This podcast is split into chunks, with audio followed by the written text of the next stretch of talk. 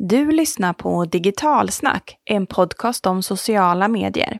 I det här avsnittet pratar vi om social media optimization och varför det är så viktigt.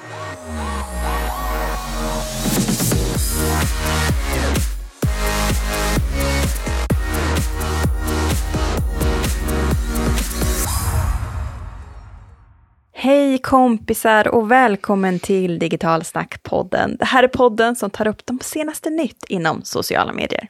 Och idag så ska vi prata om något som man kanske inte helt direkt förknippar med just sociala medier. För CEO har man ju hört, alltså Search Engine Optimization, som går ju ut på att man sökmotoroptimerar det man vill söka på via sökmotorer som Google och Bing, alltså textbaserat. Men eh, det blir ju faktiskt allt mer eh, vanligt numera att man använder den här typen av beteende även på sociala medier. Alltså att man söker efter information, inte bara på Google utan också direkt i olika sociala medieplattformar.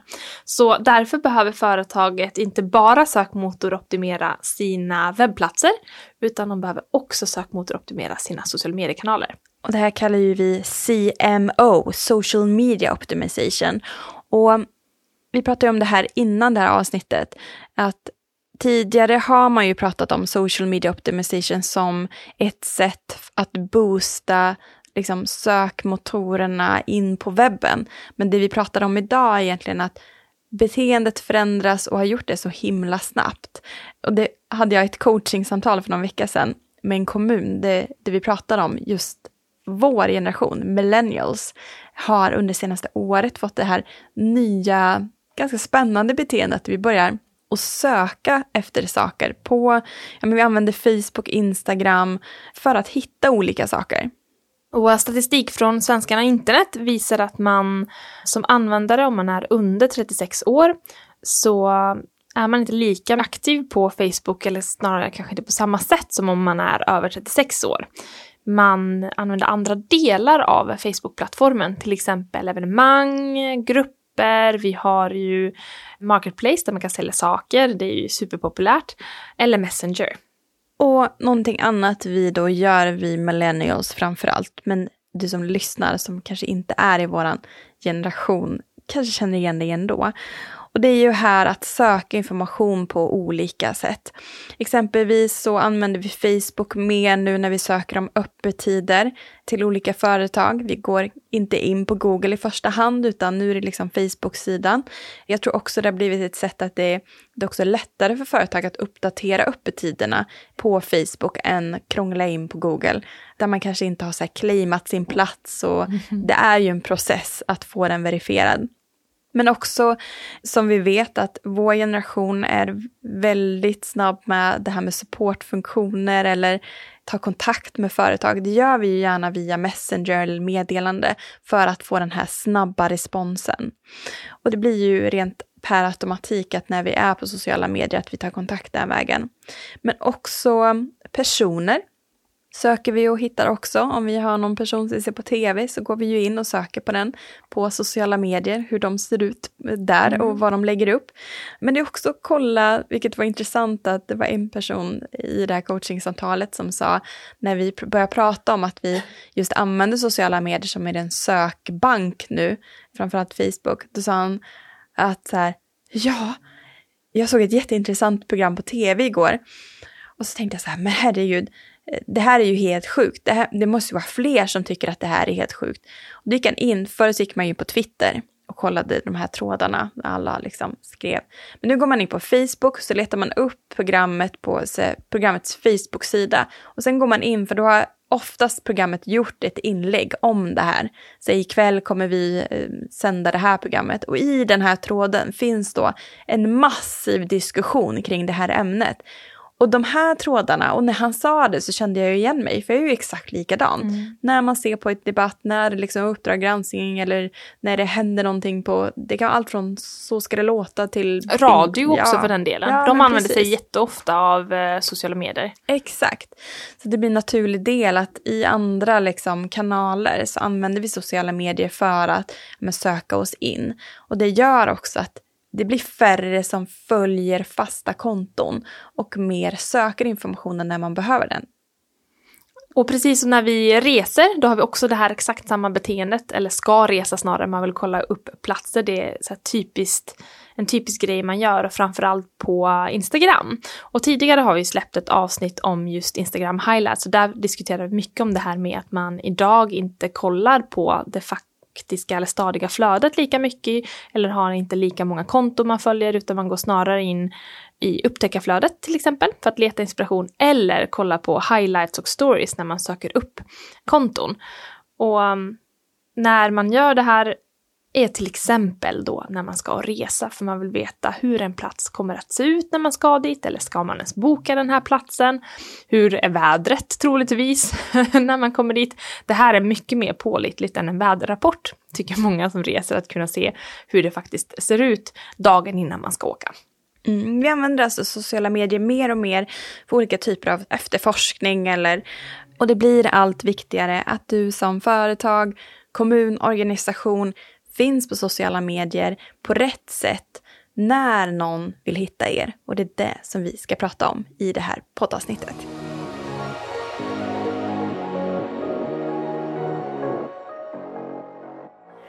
När vi analyserade Unga och valet 2018 så visade det sig att väldigt, väldigt många unga sökte på just specifika partiledare på sociala medier för att se vad de la upp och vad de stod för. Så istället för att se innehåll i flöden eller andra ställen att bli exponerade för så hade de ett beteende av att man söker upp information. Så är man ägare, chef, vd, influencer eller någon typ av offentlig person så finns det alltid en risk att människor tar till sociala medier för att söka upp dig och kolla in på dig och liksom bara leta fakta om dig. Och då kan det vara bra att vara lite trygg i vad de hittar Verkligen. när man väl söker. Det gäller både alltså, företagets varumärke, men som vi har pratat om, hundratiotal tusen miljarders gånger i den här podden, att vi går mot ett mycket mer personligare sociala medier, man är mer intresserad av personen bakom. Därför om ditt företag eller kommun eller vad det nu kan vara syns med sin logga eller någon, ja, man upptäcker varumärket på något sätt, så finns det en större risk idag att man ändå kollar in personen fast man inte är så aktiv på sociala medier. Så man behöver ha ändå lite koll på vissa saker och eh, det här ska vi, en liten, eh, några steg som ni skulle behöva kolla på. Och sitter ni framför datorn eller har mobilen framför er så kan ni ju göra de här stegen direkt i sändningen just nu. Mm, och allra, allra, allra, allra första steget är ju kanske att börja kolla vad är det som syns? Om man söker just på ditt namn eller ditt företagsnamn. På... Det var det här vi gjorde på Google. Det här gjorde jag på Google 2012. Ja. Det är därför jag har mitt konstiga mellannamn, Cecilia Victoria Kärrberg. För att jag googlade på mitt namn och insåg att här var, fanns det en operasångerska och en forskare som hette precis likadant som jag. Så jag inte kunde slå mig liksom det var svårt för mig att söka optimera mitt namn. Så därför la jag till mitt mellannamn så jag skulle äga mitt namn på nätet. Och det är ju exakt det här vi gör nu Precis. på sociala medier. Så inte sökmotoroptimering utan SMO, social media optimering. Och vi kan väl börja med att kolla upp de här namnen som du nu tycker är intressant att kika på, på Facebook. Om du skriver in företagsnamnet eller ditt egna namn, vad är det som kommer upp? Är du ens enkel att hitta? Finns det andra som heter liknande? Eller kan det vara förvirrande att veta exakt vilken sida eller person är det man ska gå in för att komma rätt? Och det kan ibland vara så att ett företag finns i flera länder till exempel och då är det inte alltid säkert att just det landet man vill in i kommer eh, överst eller att det finns liksom väldigt många olika valalternativ. Också på hur företagen faktiskt namnsätter de här, det kan se lite roligt ut i, ibland. Eller så kan det finnas platser, att istället för sidor så eh, du kanske inte har en sida och så har andra skapat en plats för att de tycker att det borde finnas en plats för eh, det du representerar. Så att kolla upp vad är det som faktiskt dyker upp när man söker på dig högst upp. Förr pratade man ju om de tre översta raderna i Googles söklista. Men nu kanske det handlar om liksom tre, fyra översta sakerna som dyker upp på Oh, Facebook. som bra koppling så att man förstår direkt vad det handlar om. Någonting annat som när man söker på Facebook, men det kan också vara på LinkedIn, det är ju att det kommer upp många fler sidor. På Facebook har ju det här problemet om man inte hade, har startat en Facebook-sida ganska tidigt, att folk har hunnit checkat in på en plats, att det skapats platser men också sidor. Och ibland för er som lyssnar har kanske flera butiker runt om i Sverige eller Europa, världen eller att man finns i olika länder. Och det gör också att man kan se alla av liksom varumärkets placeringar och butiker. Här rekommenderar vi att tänka till innan. Väldigt få har gjort det tyvärr dock. Och det kan vara svårt att backa bandet lite grann, då får man ta kontakt med Facebook. Men det är ju att bygga upp sina platser utifrån Business Manager så att man alltid har kontroll över hela kedjan. Så att man inte har butiker som exempelvis startar upp sina egna Facebook-konton och så slutar de och så är de personligt anknutna så är det bara en enda röra vi hjälper väldigt många företag med det här nästan varje vecka. Att försöka bygga ihop liksom business managers, så att det blir en logisk, bra organisatorisk eh, sak runt Och i dagsläget är det ganska enkelt, för nu finns Business Manager, men förr när man startade Facebook-sidor så fanns ju inte den här funktionen, så nu bör man konvertera om massa gamla sidor till en jättebra funktion som Facebook har. Så ni eh, som har nya företag, grattis! ni slipper den här konverteringen, ni kan börja jobba med Business Manager direkt. Precis. Och en annan eh, immigrering som vi gör nu med ett stort internationellt varumärke är ju att vi gör geostyrda placeringar. Så att när man befinner sig exempelvis i Sverige så syns den svenska sidan och när man befinner sig i Finland så syns den finska sidan och så vidare. Det är också en smart del så att man inte får upp varumärket och så alla länderna. Det gör också att man driver trafik till de enskilda liksom. Man får helt enkelt, när man söker får man ju bara upp företagsnamnet. Det står ingenting mer Sverige, Finland, vad det nu kan vara. Och det Alltså kan ni hamn- se på Coca-Cola till exempel Ja, om ni söker på det. De har ju alla sina länder kopplat till en och samma sida. Så man kan byta språk i profilen. Men det är svenska Coca-Cola-sidan som ni kommer hamna på i Sverige för att den är geostyrd till det. Ett exempel. Det som också dyker upp när man söker är ju inlägg som man har publicerat. Och beroende på hur aktiv man, man är och vilken typ av inlägg som syns där så kanske det kan vara, eller snarare hur inaktiv man har varit, kanske det är väldigt gamla och inaktuella inlägg som dyker upp. Så det kan vara bra att kika på vad är det för typ av innehåll som faktiskt dyker upp när man söker på varumärkesnamn eller ditt namn. Och är det sånt som man vill bli förknippad med och som man kan stå för fortfarande idag. Det som jag tycker också är viktigt i den här funktionen att söka på företagsnamnet eller er person, det är ju kanske främst vad andra har skrivit och nämnt dig som person eller ditt varumärke.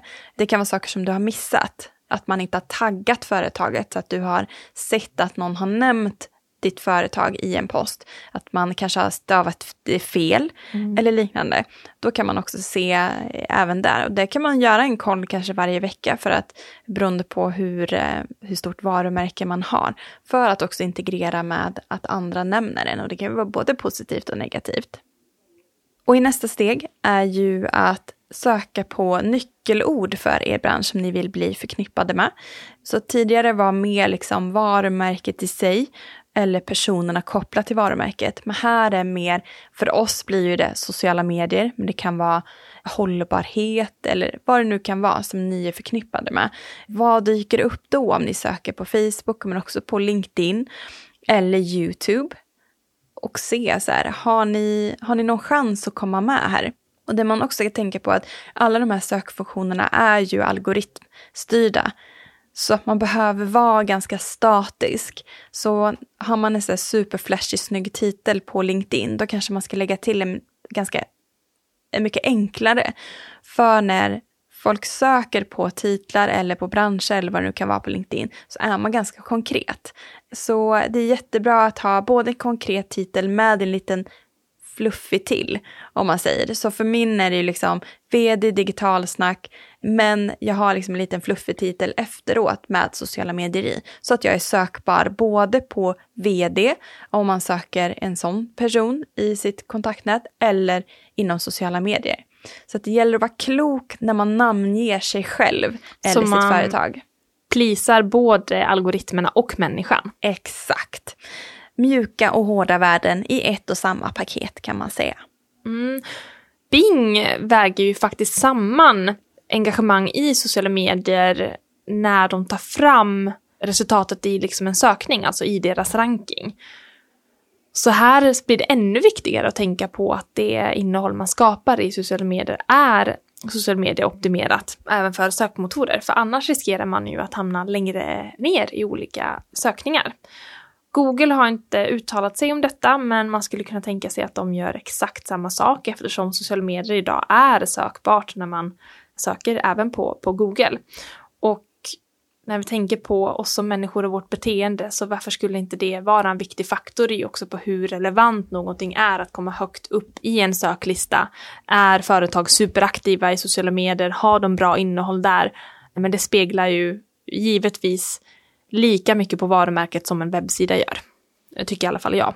Men när ni gör de här olika sökningarna så ska ni ju tänka på att det är du som söker och du är oftast väldigt starkt förknippat redan med det varumärke du söker på eller de personerna, speciellt om du söker på under ditt egna företag, vilket kommer leda till att ditt företag och sådana saker du skriver eller har skrivit om hamnar väldigt högt upp. Så det kan vara en idé att fråga en annan eh, branschkollega eller någon vän som eh, har helt andra kopplingar att göra sökningen så du kan få se hur det ser ut på Facebook och på LinkedIn men även på Google och Bing när man söker på era varumärkesnamn. Mm, och precis som du nämnde i, i början här lite grann, är ju att inför valet att man sökte väldigt mycket på personprofiler. Och när man har landat på en sån, vad ser man då? Och det är väldigt ofta jag går in på eller söker mig in på vissa personer så kommer Facebook-profilen upp för att man kanske inte har en LinkedIn. Så kommer man in på den och så ser man gamla inlägg från 2014 eller 20... alltså sju eller vad det nu kan vara. Jättegamla inlägg som man kanske inte alls, för vi, vi använder ju också sociala medier lite olika för varje år. Så att det som vi la upp på Facebook för liksom tio år sedan skulle vi aldrig någonsin lägga upp i, kanske, jo, kanske på Snapchat skulle vi lägga upp en sån sak. Så att eh, våra beteenden, vi, jag tror att vi skäms ganska mycket när vi ser vad vi har lagt upp för, för länge sedan i sociala medier. Därför finns det också väldigt ganska bra, fantastiskt eh, bra mening, eh, funktioner på de olika sociala medierna där du kan se hur din profil ser ut för någon annan som inte är vän med dig. Och på Facebook så går man ju in på sin eh, Facebook-profil och precis under sin omslagsbild så finns det ett litet öga som heter visa som och där klickar man in och där kan man också välja vilken person som eh, som ska liksom titta in på din profil och då visas den i det läget. Och då kan man ju plötsligt se så här, oj, är det där inlägget, eh, har man sparat det med den här jordgloben, att den liksom visas för alla som någonsin har kommit in. Och då kan man göra en liten rensning där. Det blir mycket lättare att upptäcka saker med den här funktionen. Och LinkedIn har också visa offentlig profil. Den kanske inte är lika jobbig och pinsam. Men det man ska tänka på här, att man kanske inte behöver ha alla funktioner igång. Utan att man kan krympa ner sin profil lite grann. Man kanske inte behöver ha, man kanske det senaste jobbet bara, man kanske inte behöver visa hela CVn. Så det som är viktigt att visa där är ju sammanfattningen, vart man jobbar just nu, om man har några bra publikationer som liksom stärker ditt varumärke. Ja, sådana saker. Jag var med om eh, ett coachningssamtal som jag höll i och så visade det sig då att eh, personen inte hade kollat upp sin offentliga profil och eh, fotot syntes inte. Mm. Och det är ju en, hur ska folk veta om man känner igen dig eller om man vill ha kontakt med dig om inte just fotot och kanske titel och sånt syns. Så det var något hon var väldigt, hon var inte medveten om, för hon hade inte kollat sin offentliga profil. Så ibland kan det även vara viktiga detaljer inte att man visar för mycket utan att du visar för lite. För lite. Så den är bra att kolla upp också. Verkligen, och det gör man där på LinkedIn när man går in på sin profil och så finns den på högersidan. Och även att rensa Instagram. Vi har ju de här fantastiska highlights som vi pratade om för några poddar sedan. Men de har ju en tendens när de inte försvinner efter 24 timmar att ligga kvar i oändlighet. Och de kanske inte är så snygga alltid. Och man kan också arkivera själva Instagram-feeden så att den också blir snyggare eller om det är irrelevant. Och framförallt om ni har några tävlingar, kampanjer, ta bort när kampanjen eller tävlingen är över. Det behöver liksom inte ligga kvar i flödet. Då kan man arkivera, man raderar alltså inte utan man sparar den bara på en annan plats. Så eh, håll koll på vad som syns i profilen. Och beskrivningen är ju en ganska viktig del av profilen. Och um, tänker vi på Instagram så har man ju ett användarnamn, det har man ju all, på alla konton och sen har man, man har ett användarnamn och sen har man själva namnet som syns då utåt. Och på Instagram kan det faktiskt vara värt att eh, lägga till en extra beskrivning i sitt användarnamn och hålla just själva användarnamnet kort men själva titeln eller namnet på kontot det ska eh, vara kanske lite mer utfyllt. Det vill säga snabelat ska vara kort, men själva det andra kan vara lite längre. Så vi har digital snack social mediebyrå och har man, är man influencer kanske man har sitt namn och sen har man eh, inte en ikon och att man är influencer eller liknande. För just användarnamnet är sökbart när man söker på Instagram. Så har man ett vanligt namn eller ett namn som är svårt att hitta när man söker på Instagram är det superviktigt att man tänker till på att man utvecklar namnet lite mer så att det också blir enklare att hitta när man söker. Och lite kill your darlings. Ibland så vill man jättegärna att det ska vara tydligt och jättelångt. Men mm. då blir det istället kanske otydligt eller känns väldigt så här företagigt. Man kanske ska ha ett lite mer så avslappnat användarnamn. Inga aktiebolag på Instagram tänker jag till exempel. Jag håller helt med. Sen har vi ju själva biobeskrivningen då och här kommer det kanske in på även eh, alla andra konton, inte bara Instagram, utan vi har våra personliga profiler, LinkedIn och så vidare. Den här är ju bra att kolla upp vad är det som står där? Så att folk får en, eh, eller en korrekt uppfattning om vem man har hamnat till. Vad är det du gör? Vem är du? Vad är du bra på? Vad tycker du om? Givetvis ska den här beskrivningen då variera beroende på vilket konto det är du gör det på. För vi har ju olika roller beroende på vilken plattform vi syns i. På LinkedIn är vi mer businessinriktade så din omtext kanske inte ska handla om eh, hur stor familj du har och vart du gillar att åka på semester, utan kanske andra saker. Och på Instagram så eh, kan man vara mer privat om man har ett privat konto. Är det en företagsprofil så vill ni kanske lyfta liksom stjärngrejerna vad ni gör eller vart ni finns. Alltså en hisspitch passar ofta bra på, på Instagram för företag. Men kolla igenom era beskrivningar för att någonstans om folk har blivit tillräckligt intresserade, de har sökt, hittat till er, kolla på er profil så kommer de också läsa vilka ni är och då bör det bli ganska tydligt över vem ni är och vad ni gör. Mm, och det här är ju lite som en nulägesanalys. Så här, hur ser vi ut nu om någon söker på oss? Och om vi ska gå in på lite mer tips och tricks på hur man kan bli mer liksom, sedd. Då kan man ju jobba med någonting som är ganska omdiskuterat och har varit, det här med hashtags.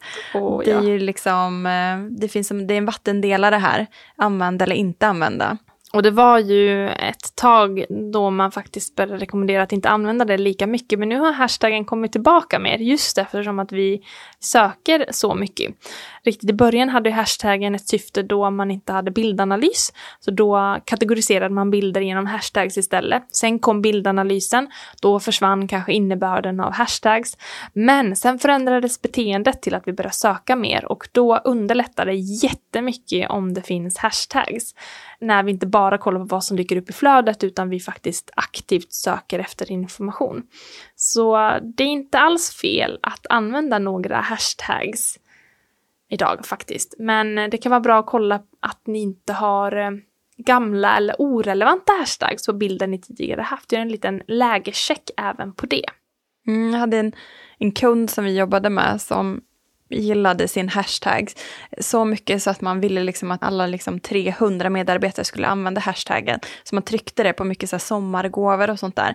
Tills en av eh, medarbetarna hade gått in och kollat på hashtaggen på Instagram. Och då var det en strippklubb som precis hade eh, öppnat i Las Vegas som använd, hade bör, precis börjat använda en hashtag. Så det kan ju vara så att man har kollat upp den en gång men så har det liksom trillat in eh, andra bilder eh, allt eftersom. Så det kan vara bra att om man trycker upp det till liksom 300 exemplar på en sommargåva, att man gör en sista koll. att eh, det, det, är en liksom schysst smart, hashtag. Smart tips. och som du säger så har det ju blivit mer vanligt att ja, man kan till exempelvis följa hashtags nu på både på LinkedIn men också på Instagram och det gör ju att relevansen för hashtags har faktiskt kommit tillbaks. Men det gäller ju att de är jätterelevanta. Att det inte handlar om en blå katt hink, vad det nu kan vara, utan att det är liksom ett sammanhang. Man ska tänka mer community, mer evenemang, mer tillsammans. Vilka hashtags använder communityt när man postar en sån här grej? Och även vad man söker på. Så de flesta generiska hashtag har ju försvunnit, men det finns en, vissa saker som, jag kan tänka mig ett recept är en hashtag som mycket väl folk skulle kunna söka efter på Instagram.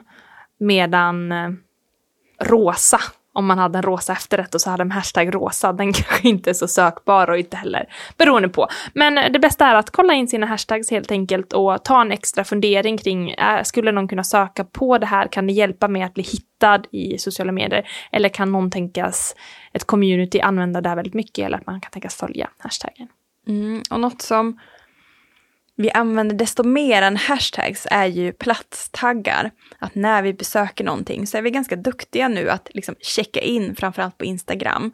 Ibland även på Facebook, men inte lika ofta som vi gör på Instagram. Så vi har ju ingen plats kopplad till digitalsnack. Men för er som har det så blir det jätte, jätteviktigt att man håller koll på ja, sin platstag och vad det är som man har lagt till på sin plats. Jag kollar platser jättemycket när jag är ute och reser eller som i veckan nu när vi skulle göra ett blogginlägg om vart det fanns snö i Sverige till en av våra kunder som har hotell runt om i hela Sverige. Och då kunde jag gå in på Instagram och titta på de här olika hotellerna och då kunde jag ha liksom en, en, eh, en realtidsvy inom 24 timmar för att någon hade lagt upp en story på den här platsen. Och då kunde jag se på vilka platser finns det fortfarande snö och vilka kunde vi stryka från det här blogginlägget. Och det är en sån, alltså vi får så mycket information om, vi kollar nästan inte vädret längre utan mm. vi kollar så här, finns det snö, är det regnigt på platsen? Och det kollar vi via stories. Så platser är, kolla även de mest likade bilderna, för de är inte lika lätt att påverka med de som är liksom de senaste. Det finns ju två kategorier och stories som lever 24 timmar. Och tänk gärna när ni lägger de här, eller använder er av de här stories, att göra det med jämna mellanrum. För finns det inte någon story med er platstag inom loppet av 24 timmar så är ni ju inte sökbara den stunden. Så tänk på att göra en kanske med 24 timmars mellanrum, att det alltid finns någonting där ute som man kan bli träffad på. Och genom att lägga upp en sån story så behöver man också geotagga och då gör du storyn och sen går man in i de här dekalerna som finns för Instagram stories och lägger till platsen. Då alltså syns din story i den geografiska och det spelar inte så stor roll om du sätter en, en tagg på eh, kanske ett hotell, för det blir platsen i sig. Det beror lite på hur stort det är. Stockholm loopar man ju ganska många stories, så att man inte ser samma när man är inne på platstaggen. Medan eh, på mindre platser och orter så får man all synlighet för alla, för att det finns inte tillräckligt med stories. Så det är ju väldigt fördelaktigt. Vi har pratat väldigt mycket om, om text nu. Mm. Sen har vi det här med taggningar, att tagga i bilder. Och det är ju populärt för, i vissa branscher, framförallt e-handel, för att eh, så, skapa attention. Det görs väldigt ofta på Instagram och då kanske man taggar till och med personer eller företag som inte ens är relevant i själva bilden. Man gör det väldigt mycket på LinkedIn för att som sagt göra en liten notis till någon att du borde vara intresserad av det här inlägget. Och det är kanske mer relevant på LinkedIn. Instagram taggar vi oftast produkter eller personer som är på själva bilden.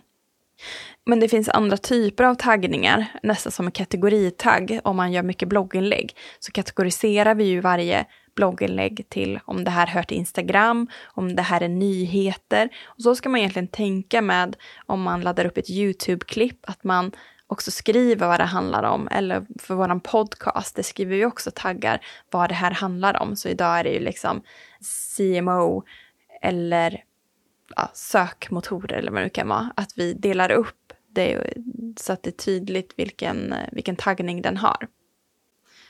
Och eftersom folk taggar så finns det också risk att du blir taggad ibland i bilder, vilket kan leda till eh, att man hittar sig själv på olika taggningar. På Facebook så kan man eh, ha till exempel en inställning som leder till att bilderna inte automatiskt publiceras, utan du behöver godkänna dem först innan liksom inläggen går ut även så att de syns helt enkelt.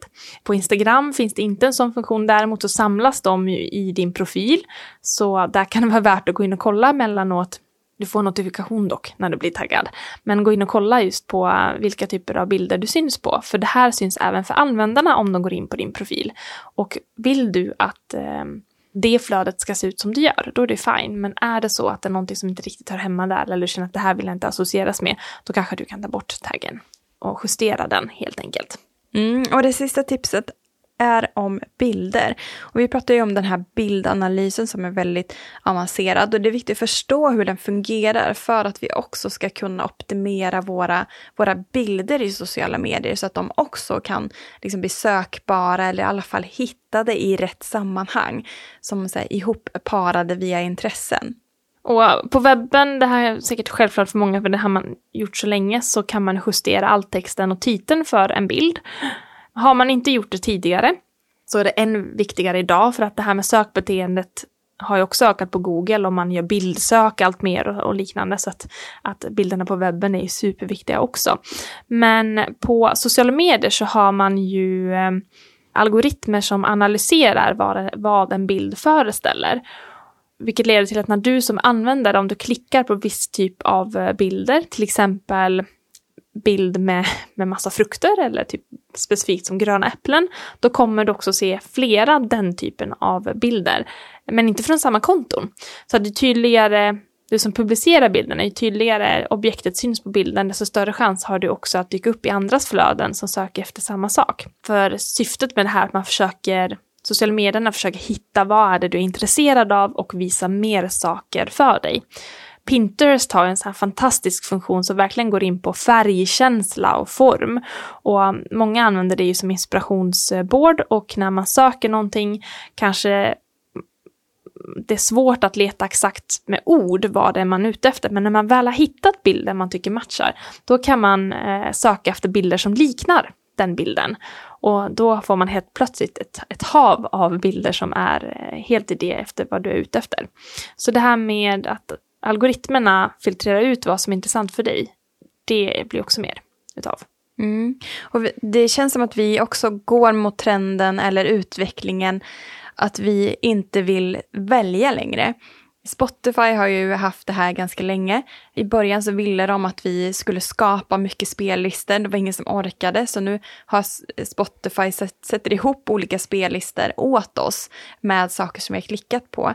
Så att algoritmerna blir mer avancerade och hjälper oss att sortera innehållet. Och det går också med att vi inte vill välja enstaka konton som vi väljer i sociala medier, utan vi vill ha en liten mix och en blandning beroende på vad vi liksom klickar på eller att vi vill söka upp olika saker. Och det är det här med upptäcka flöde som vi pratar om på Instagram väldigt mycket, som inte Facebook har. Och det är kanske därför intresset för Facebook har svalnat ganska mycket, för att man har inte funktioner som YouTube och Instagram som har det här slumpmässiga, att man ja men har du sett den här, då kanske den här är intressant för dig. Just att man blir mer inspirerad av mer innehåll än bara liksom det här som man klickar och väljer. Alla andra sociala medier har ju i princip det. Mm. Snapchat har ju också ett upptäckarflöde. Mm.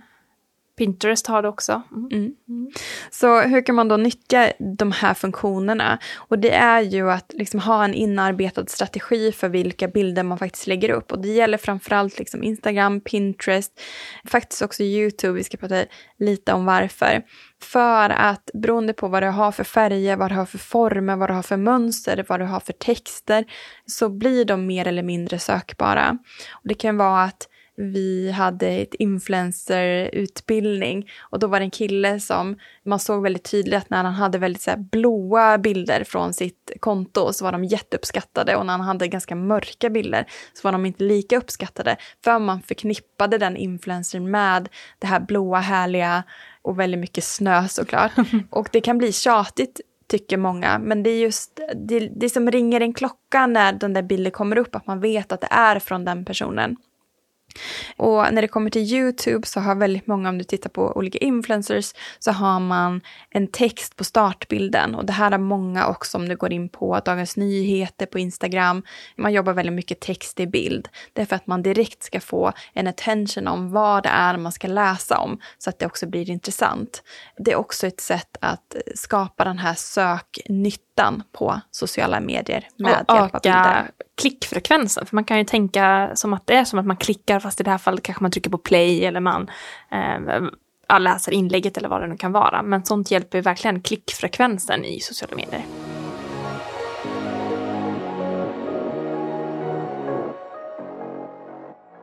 Sammanfattningsvis så kan man säga att våra beteenden på sociala medier ändras allt snabbare. Och ehm, det gäller ju att hänga med i de här svängarna och att vi numera blir mer uppsökande på sociala medier. Vi väljer kanske inte enstaka konton som vi vill välja utan vi vill ha inspiration lite från lite varstans. Och för att eh, dra nytta av den här beteendeförändringen så behöver ni eh, tänka på att rensa bort gammalt som ni inte vill bli associerad med och hålla koll på eh, sökvägen, helt enkelt vad man hittar när man söker efter er och optimera vart ni syns. Och känner ni att ni har ont om tid för att utföra de här stegen som vi pratar om i den här podden, hör av er för vi kan hjälpa er med en eh, nulägesanalys och sen med rekommendationer för att kunna göra er sökbara i sociala medier.